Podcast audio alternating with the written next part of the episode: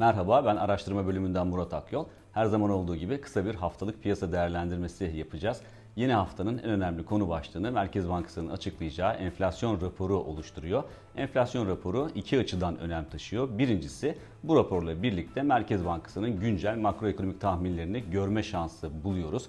İkincisi ise Merkez Bankası bu raporla birlikte zaman zaman e, para politikasına ilişkinde sinyaller verebiliyor. Hatırlanacağı gibi Merkez Bankası son açıkladığı enflasyon raporunda yıl sonu enflasyon tahminini %14.1 olarak açıklamıştı. Ancak OVP'ye baktığımızda oradaki enflasyon tahmini yıl sonu için %16.2 seviyesinde bulunuyor. Diğer taraftan beklenti anketinde ise %17.5'in üzerinde rakamlar görüyoruz. Dolayısıyla Merkez Bankası'nın da bu hafta açıklayacağı enflasyon raporunda yıl sonu tahminini yukarı yönlü revize ederek piyasa beklentisine biraz daha yaklaştıracağını tahmin ediyoruz. Borsa İstanbul'da ise geride bıraktığımız haftada 1430 puan seviyesinin aşılmasının ardından 1450 puan seviyesinin de geride bırakıldığını gördük ki burası da teknik açıdan oldukça önemli bir noktaydı. Bundan sonraki süre zarfında ise özellikle 1485 puan seviyesinin öneminin yüksek olduğuna inanıyoruz ki endeksin bu bölgede kapanışlar yapmayı başarması durumunda yukarı yönlü hareket etme eğiliminin daha fazla güç kazanması şaşırtıcı olmayacaktır.